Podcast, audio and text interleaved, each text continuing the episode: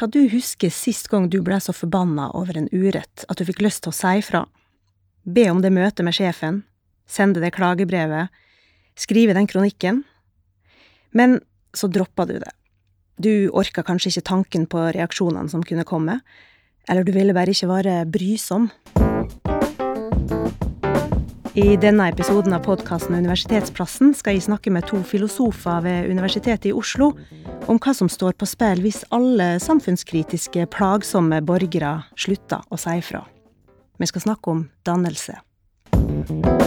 Inga Bostad og Arne Johan Vetlesen, velkommen til Universitetsplassen. Takk. Mitt navn er Monica Bjermeland. Inga, du leda i si tid Danningsutvalget, så du kan vel fortelle oss hva dannelse egentlig er? Ja, det er et stort spørsmål.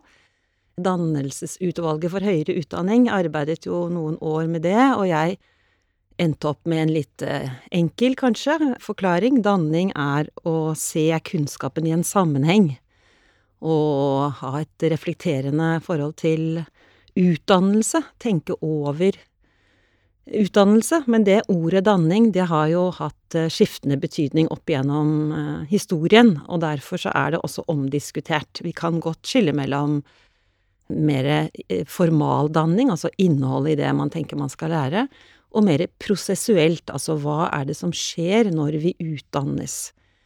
Så um, vi kan jo kanskje si det litt humoristisk med Jens Bjørneboe, at det finnes to former for danning, med og uten piano.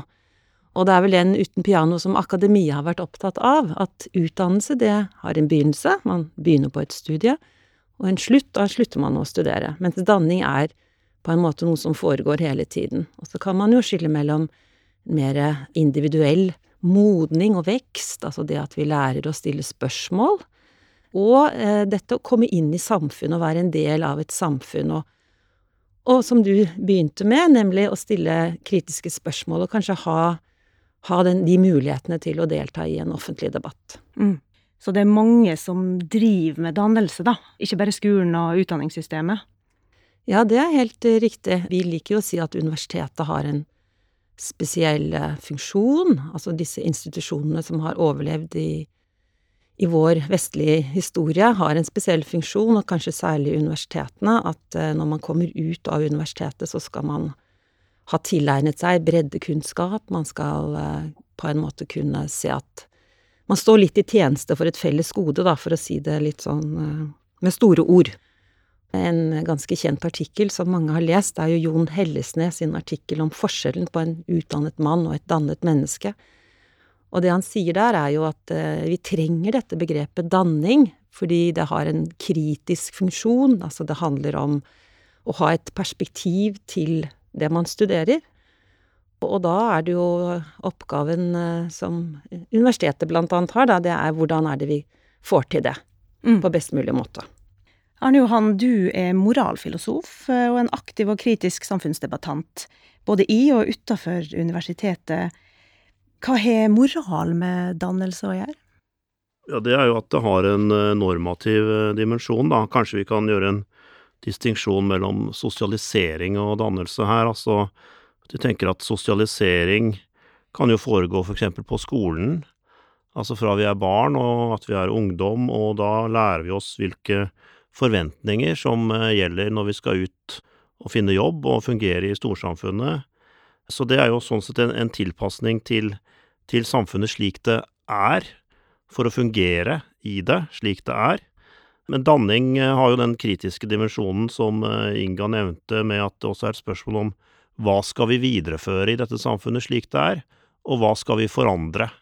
Og da er det det å, å ta et ansvar for å være med i å forandre, og da er man over i en borgerrolle. Nettopp. Og hva står på spill hvis vi ikke har danna borgere? Jeg tenker at det har da å gjøre med demokrati. Vi tar det kanskje for gitt nå at vi snakker innenfor demokrati, Demokratiet, til forskjell fra andre styresett, er seg bevisst at det er uperfekt, og at det trengs eh, selvkorrigering. Altså det, det trengs en sånn type refleksjon, det trengs en viss avstand til hva vi allerede har, måten vi gjør tingene på, med hensyn til om vi kan gjøre de annerledes, kan gjøre de bedre, og også hvis det kommer opp nye utfordringer eller, eller kriser, så kan det å fortsette som før bli veldig farlig. Mm. Da lurer jo jeg på hvordan står det til med muligheten for dannelse i dag? Hva er vilkåra, sånn du ser det? Ja, de er jo i forandring, for én ting er jo at vi kan si at idealet om danning knyttet til demokrati, borgerrollen, har vi jo hatt lenge. Men eh, det kan jo fort bli festtaler, og noe som da alle sier de er tilhengere av. Så det settes jo på prøve når folk tar dette med at kritikk er ønsket, kritikk er nødvendig, på ordet. For eksempel innenfor eh, den skolen de jobber som lærer, eller sykehuset de er som sykepleier eller lege, eller hvor det måtte være, da, når de har en, en rolle, gjerne som en profesjon, som følge av en, en utdannelse. Og da kan det jo hende at de blir varslere, fordi at de nettopp går inn i den kritiske funksjonen med at sånn som vi gjør det nå, enten eh, er det fordi at det er, det er noe ulovlig eller noe liksom rusk, vi, vi, lever ikke opp til lover og regler, slik vi gir inntrykk av, og si fra om det. Eller så kan det jo gå så å si dypere at det er noe problematisk ved å, å fortsette på denne måten, selv om det er legalt. Og det som ofte skjer da, det er jo at slik kritikk viser seg å være uønsket, selv om det sies i festtalene og i verdiplattformene til moderne bedrifter, sikkert inklusive universitetet her, at dette er noe man skal hegne om og ønske frem og velkommen og ha toleranse for og alt dette. Så det som skjer, som mange varslere kan fortelle om da, gjennom sine faktiske historier, det er at det blir et skifte i fokus fra den saken de ønsker oppmerksomhet om, og gjerne da at de også tyr til det å gå ut i en større offentlighet hvis det ikke har fungert å, å si fra eller korrigere ting internt. Og det som da gjerne skjer, det er at det blir sett på som illojalt, og fokus kommer vekk fra saken til personen, som da er et problem som eh, det kanskje må gjøres noe med, og, og som ofte da blir omplassert. Eh, og det kan være ganske store personlige omkostninger da, med å få et sånt veldig press på seg at man eh, liksom har, har skjetet i eget reir, som det noen ganger heter. Det du sier egentlig, at evnen vår til å tolerere indre kritikere, da, selv om de er plagsomme, det er ubehagelig det de kommer med, det er en slags lakmustest for hvor robust en institusjon er, eller samfunnet vårt er. Ja, jeg kan godt tidfeste det enda mer presist enn det jeg har gjort. Mm. Kanskje man har hørt om omdømme. Jeg nevnte allerede en gang ordet lojalitet. Også offentlige institusjoner som universitet og sykehus har nå et omdømmehensyn som ledelsen ønsker at skal ivaretas av alle ansatte, alle medarbeidere. Og når man kommer inn på en sånn medarbeidersamtale på også en sånn offentlig institusjon eller bedrift ja, i dag, ikke sant, så kan det første spørsmålet være fra lederen til den ansatte Hvis jeg sier lojalitet, hva tenker du da? Og spørsmålet er jo, ikke sant, lojalitet til hvem? Lojalitet til hva? Og for å gjøre det veldig enkelt, så kan det være en konflikt mellom at en lærer tenker at min naturlige lojalitet er til elevene, og for så vidt til ikke sant, fagets standards of excellence. At jeg vil beholde min integritet som lærer, som utøver, bare ved å leve opp til den standarden som, som ligger i faget og som man kan tenke har en sånn type autonomi. eller altså den, den, den må hegnes om, og det, det, er de som er i faget, og som overleverer det, og har liksom gått veien fra lærling til mester, som har en formening om, om hva som er godt nok utført arbeid av denne typen arbeid. Og det som da kan skje, er at man får høre at lojaliteten er ikke til elevene eller pasientene eller profesjonens liksom egne standarder, men den er til ledelsen, eller den, den er, kan vi si, til, til, systemet. Og hvis man ikke har skjønt at lojaliteten først og fremst er der, så kan man få høre at man bidrar til å skade omdømmet til der man er ansatt, og det må man selvfølgelig ikke gjøre. Og det har jo å gjøre med at, at vi har en konkurransesituasjon, da, som vi ikke hadde tidligere, mellom ulike, ikke sant, som, som er eh, tjenesteytere, og, og som, kan, som er avhengig av etterspørsel og inntjening og alt mulig på et marked. Mm. Og som kommunikasjonsrådgiver så tar jeg det temaet. Vi snakker jo mye om eh, omdømme.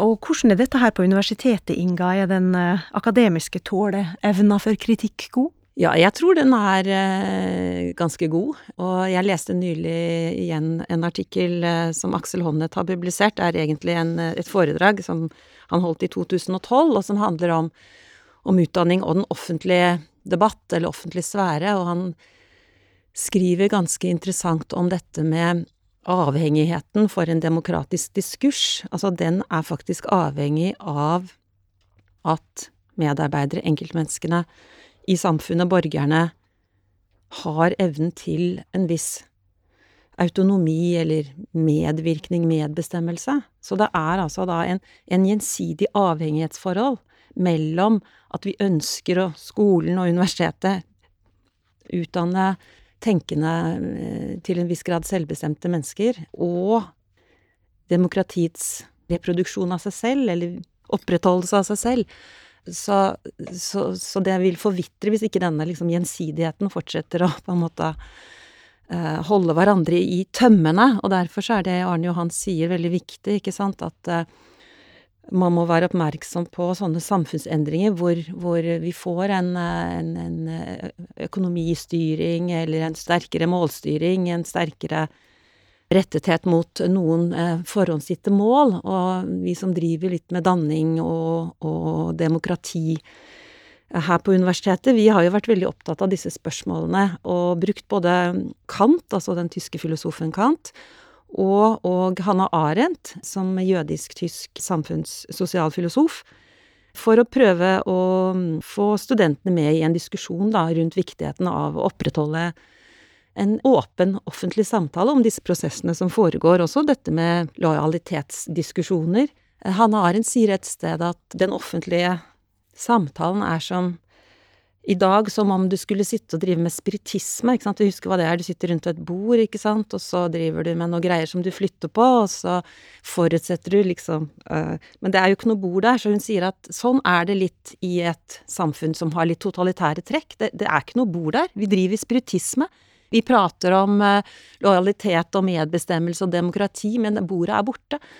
Og det syns jeg er en ganske sånn fin metafor, da, for at øh, vi må passe på at vi har muligheter til, og at vi alle er med på å styrke da, den offentlige samtalen om for eksempel eh, varslerens rolle, varslerens utsatthet, sårbarhet.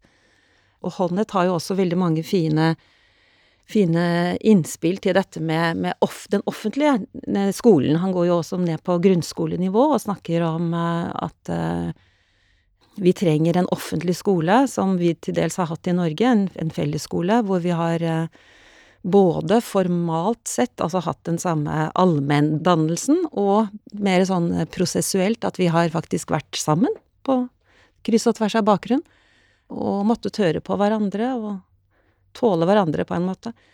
Og det siste, det er jo da mm, Jeg nevnte Kant, og han har skrevet en artikkel som eh, studentene på, på utdanningsvitenskap leser faktisk allerede første semester på X-Fac. Eh, hva er opplysning? Og der sier jo Kant at opplysning Altså det er forskjell på å være opplyst og opplysning. Han sier at vi, vi er på vei kanskje til å bli opplyste, men, men, eh, men, vi har ikke et opplyst samfunn enda. Dette er jo skrevet for en, en, del år siden.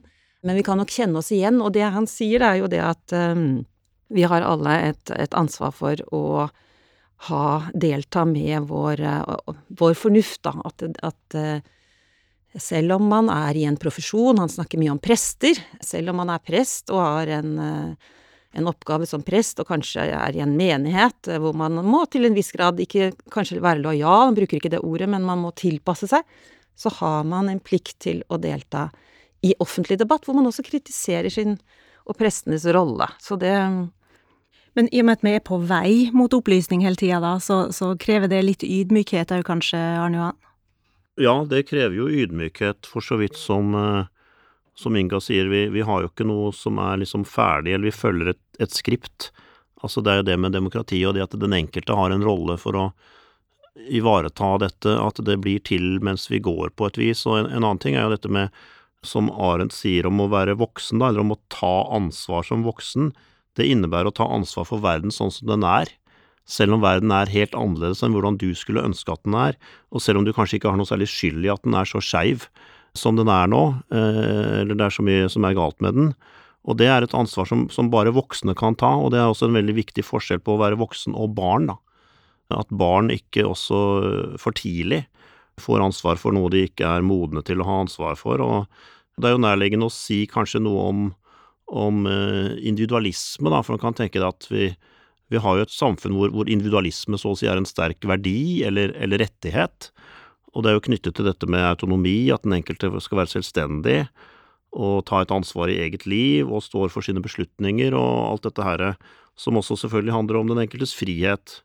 Men på den annen side så, så, kan vi også få en individualisme som blir ganske selvsentrert på et vis, altså ansvar for egen læring.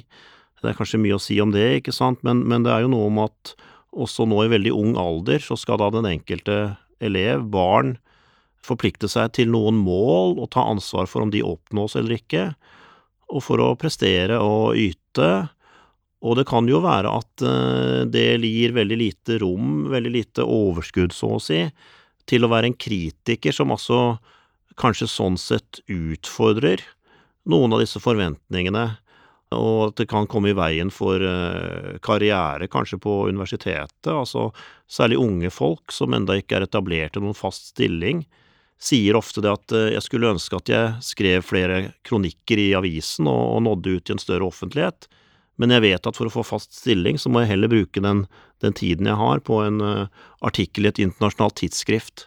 Og det er jo et tap da for, for offentligheten, for storsamfunnet, når uh, akademia og en ny generasjon der blir liksom tvunget til å bli veldig innadvendt på et vis, da. Litt sånn seg selv nok. Og hele tiden skrive og tenke og diskutere for sine egne eller blant likesinnede, så å si. Og det, det, det fører til en form for tilbaketrekning hvor det er da ganske få som til gjengjeld blir nærmest sånn overforbrukt eller utbrukt da, i den større offentligheten. Så det burde vært en mye større bredde, og spesielt mellom generasjonene, enn, en det det nå er tendenser til. Mm. Bredde er det vi ønsker oss, og eh, til nå har vi snakka litt om eh, enkeltmenneskets dannelse. Men hva skjer når folk blir sinte i lag og faktisk eh, går ut og gjør noe? Du er opptatt av sivil ulydighet, Arne Johan faktisk i så stor grad at du i 2019 tok sjansen på å stille som ekspertvitne i Oslo tingrett for 17 klima- og naturaktivister i Extinction Rebellion. Eh, de driver og lim, limer seg fast i departement, blokkerer veier osv. Hvorfor gjorde du det? Ja, jeg tok ikke sjansen på å delta der. Hvorfor sier jeg det? Jo, jeg tenker jo at det, det er en sånn plikt, da. Altså, jeg syns det var fint at uh, det var bruk for meg i en sånn setting utenfor universitetet og, og mine vanlige plikter, så å si, her. Ja, jeg, jeg tenker at det er viktig med, med sivil ulydighet og også se historisk på folk som har, ja, gjort noe de vet er ulovlig. Rosa Parks satte seg ned på et Whites Only-sete i en buss i Alabama i 1955, og hun var jo en farvet kvinne. Og det var jo da noe hun ble arrestert for og straffet for etter gjeldende lov. Og så går det noen år, og så har du borgerrettsbevegelsen og Martin Luther King og alt dette vi vet om videre utover på 60-tallet. Og så er det noe som skjer, som jeg har blitt veldig opptatt av også i forbindelse med klima, da, at uh, bevisbyrden skifter. Og du kan også tenke på apartheid i Sør-Afrika, og kanskje også rett og slett avskaffelsen av slaveri i sin tid, da. Selv om det var en diskriminering som vi nettopp så, ikke sant, så sent som i 1955 i USA. Men altså, bevisbyrden skifter. Det, det skjer gjerne etter at, at, noen som da er i en minoritetsposisjon, eller tar til orde, ikke sant, for, for det som er ulovlig, eller, eller, brudd på forventningene, og må ta store kostnader for å gjøre det, de kan man si historisk ofte får rett, da. De blir gitt rett senere, og noen ganger så kan det være etter de er døde, for den saks skyld, og altfor sent, og alt mulig sånt noe. Men, eh, men, ofte så er det jo sånn at det, det som det vil være en enige om at, at, var liksom et nødvendig moralsk fremskritt, en nødvendig endring, først blir møtt med veldig stor motstand. Og det som er med disse aktivistene fra Extinction Rebellion, som jeg selvfølgelig er klar over er en veldig kontroversiell gruppe da, med hensyn til metodene de bruker Det som jeg liker ved, da, for å si det veldig enkelt, det er at de er jo stort sett, mange av de i hvert fall, unge mennesker. Noen av de er veldig unge. Og de går på en måte fullt og helt opp i disse aksjonene i denne saken, som de både kaller et eksistensielt anliggende som de liksom ikke kan la være å engasjere seg i, men de gjør det jo også på vegne av noe mye større enn seg selv, og, på vegne av etterslektene, ikke sant, som det heter i paragrafen 112, og, og på vegne av kommende generasjoner.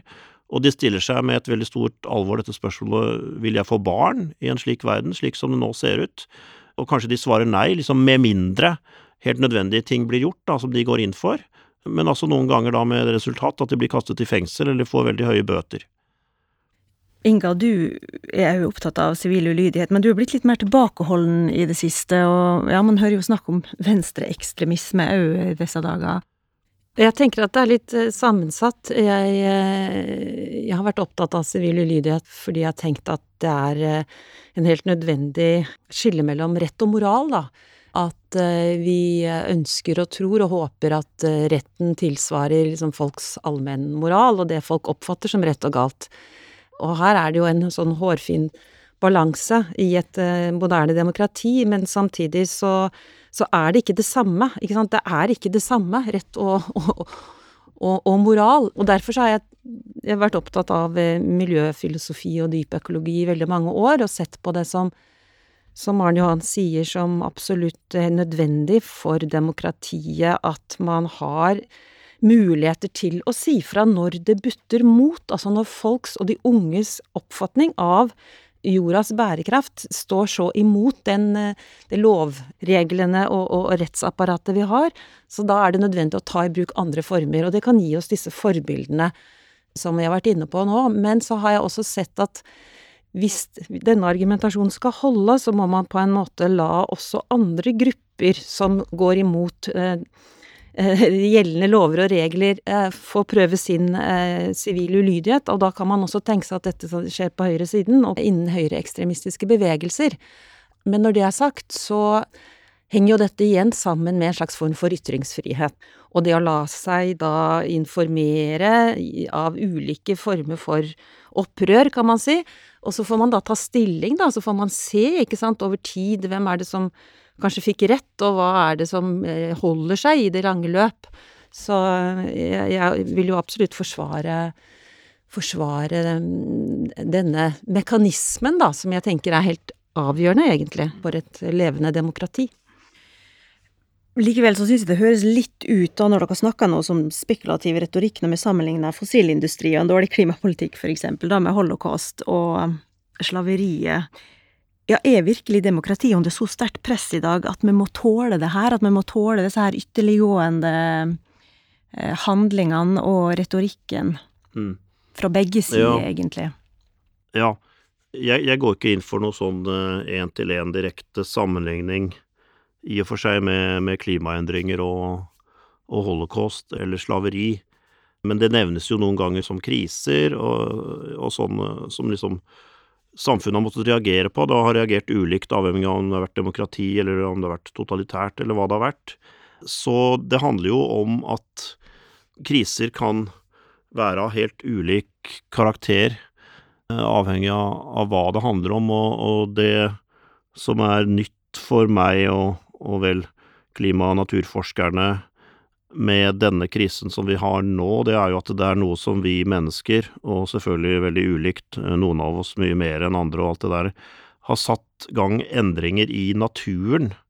Da, da blir det eh, en annen oppgave å å gjøre noe med det, fordi at uh, altså du hadde kald krig med Sovjet og USA i mange år, og folk var jo redd for atomkrig, og var ikke det sammenlignbart med at unge nå er redd for klimaendringer, og det er egentlig ikke noe god sammenligning, fordi at i prinsippet i hvert fall, og etter hvert også i praksis, så kunne den type fare bli veldig raskt redusert hvis de to partene satte seg rundt et forhandlingsbord og ble enige, så kunne de begynne å nedruste og liksom objektivt redusere faren for atomkrig dagen etter. Ja, men, men eh, vi, vi, kommer ikke til å klare det med igangsette klimaendringer og, og, naturtap. Og det er jo selvfølgelig også noe som gjør at, at mange unge som, som, liksom ser det i hvitøyet, blir veldig slått ut, da. Og det kan jo for så vidt gå begge veier, og det ser vi jo allerede.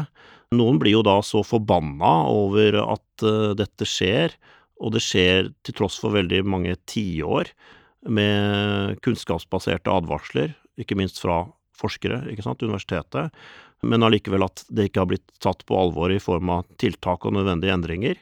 Man har bare kjørt videre, business as usual som før. Så noen blir jo da forbanna over alle de liksom tapte tiårene sånn sett, da. Men andre går jo i kjelleren, og det kan jo også være psykisk. Og det er jo lett å forstå det også, da. Og noen har jo prøvd å si fra først, skrive i avisen og liksom være lydige og flinke og gjøre det på de riktige måtene, de riktige kanalene, og erfarer da at det beste de kan møte er noe sånn kanskje skulderklapp, men, men de blir ikke hørt, de blir ikke tatt på alvor, det skjer ingenting, det er bare bla, bla, bla. Og da kan man også tenke seg at, at noen tenker vi må, vi må bruke andre metoder. Vi må si fra på andre måter, mye kraftigere, sånn at de ja, hvem er de, ikke sant, men altså de som har makt, ja, de er nødt til å høre, da, de er nødt til å se oss, de er nødt til å gjøre noe. Og foreløpig så har vi, så har vi ikke lykkes, så vi må gjøre det på en annen måte, og da kan det bli mer drastisk. Da kan det bli snakk om sabotasje og, og hva vet jeg. Vi har ikke sett det enda, men, eh, men, men, det har jo en sammenheng med hvor lite som faktisk skjer. At det da kan bli en, en motreaksjon på det igjen, som gjør at det kan eskalere. Mm. Og selv om disse sammenligningene ikke er helt riktige da, å, å bruke eh, Inga, så, så er vi jo opptatt av å lære av historie, og du er veldig opptatt av det. Du jobber mye med freds- og menneskerettighetsarbeid. Mm. Hvorfor er det så viktig å huske fortida? Hva kan vi bruke den til? Igjen Hanne Arendt, hun skrev jo denne artikkelen 'Crisis in Education', eh, som Arne Johan var litt inne på, altså kriser i utdanningen. Og da der snakker hun om verdien av historie, altså det å, å lære av, eh, av, historien. Og hun er jo selvfølgelig spesielt opptatt av holocaust, som måtte jo flykte selv fra Nazi-Tyskland. Men samtidig sier hun at vi kan ikke lære alt av historien, fordi vi vet ikke hva fremtiden bringer. Så det er jo denne dobbelte, hva skal vi si, mandatet vi har da her på universitetet og, og på skolen for øvrig, at vi vi har en plikt til å huske og viderefortelle, og samtidig så vet vi ikke hva, hva fremtiden bringer. Jeg har jobbet med, med, menneskerettigheter i veldig mange år, og sitter nå som styreleder i det som heter Det europeiske Wergelandsenteret. Og der jobber vi med opplæring for lærere i Europa i fred og menneskerettigheter og konfliktløsing. Blant annet på Utøya, hvor vi har dette demokratiopplæringsprosjektet. Og det vi ser, er at det å snakke om historien, det er jo i seg selv veldig konfliktfylt og veldig vanskelig for veldig mange. fordi vi har sett det i Norge også, både når det gjelder eh, samenes stilling i norsk historie, men også reisende, eh, rom, romani, at det å i det hele tatt bli enige om historien er veldig konfliktfylt. Men det er en måte å likevel eh, komme videre på, altså anerkjenne at her har det vært et overgrep, her har man faktisk gjort noe, be om unnskyldning, og så til en viss grad komme videre. Så jeg tenker at det er det er veldig viktig, som Arne Johan er inne på nå, at disse stemmene, altså dette, denne fortvilelsen som veldig mange unge kjenner på når det gjelder klimaspørsmål, det henger igjen, mener jeg, da sammen med det vi har snakket om når det gjelder danning, dette med å ha en eh, forståelse av at eh, opplæring, det er noe som Det er å tilpasse seg, det er indoktrinering, det er det er noen vi kalte a vomiting up education, altså bare spy opp det du har lært og gjenta etter meg. Og på den andre siden da dette å, å faktisk rettlegge for, for disse vanskelige, konfliktfylte spørsmålene som vi er uenig i, kanskje, men allikevel må tåle. Ikke sant. Og det som gir håp, da, er jo at enkeltpersoner sine fredelige sivile ulydighetsaksjoner har forårsaka store omveltninger før. Dere har snakka om Rosa Parks, Mahatma Gandhi, Arne Næss, Martin Luther King jr., Dick Leitch. Og i dag så har Black Lives Matter, Edward Snowden, De gule vestene og Greta Thunberg klart å fange og forsterke ei tidsånd som kanskje da vil skape endringer etter hvert. Men eh, vi må fortsette å være utålmodige, og til slutt så, så lurer jeg på hvilke ambisjoner dere sjøl har for å stay danna? Ja, jeg har, eh, jeg har en sånn selvrefleksjon til slutt. Fordi jeg hørte nylig på en kollega, Evy Beck, eh, holde en flott foredrag om Black Lives Matter, som du nevnte her. Og hun, eh, hun, hun, snakket om det å være hvit akademiker. Og kan vi holde ut eh, å være en hvit akademiker og fortsette som vi gjør? Så for meg er det rett og slett et spørsmål rettet til meg selv.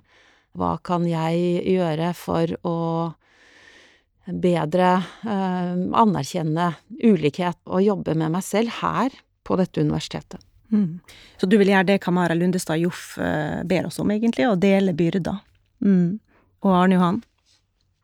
Ja, jeg tenker at det å ha fullført høyere utdanning og være lærer ved universitetet er jo et privilegium, og at eh, det å være en kritisk stemme i offentligheten er en måte å gi tilbake til storsamfunnet på, som, som er en plikt. Og kanskje vil denne samtalen lokke flere tause rebeller utpå? Tusen takk for praten, Inga Bostad fra Det utdanningsvitenskapelige fakultet og Arne Johan Vetlesen fra Det humanistiske fakultet. Du har hørt en episode av Universitetet i Oslo sin podkast Universitetsplassen. Søk oss opp der du lytter til podkast, og tips gjerne en venn om oss. Produsent var Yvonne Petrem og tekniker Mari Lesteberg. Mitt navn er Monica Bjermeland. Takk for at du hørte på.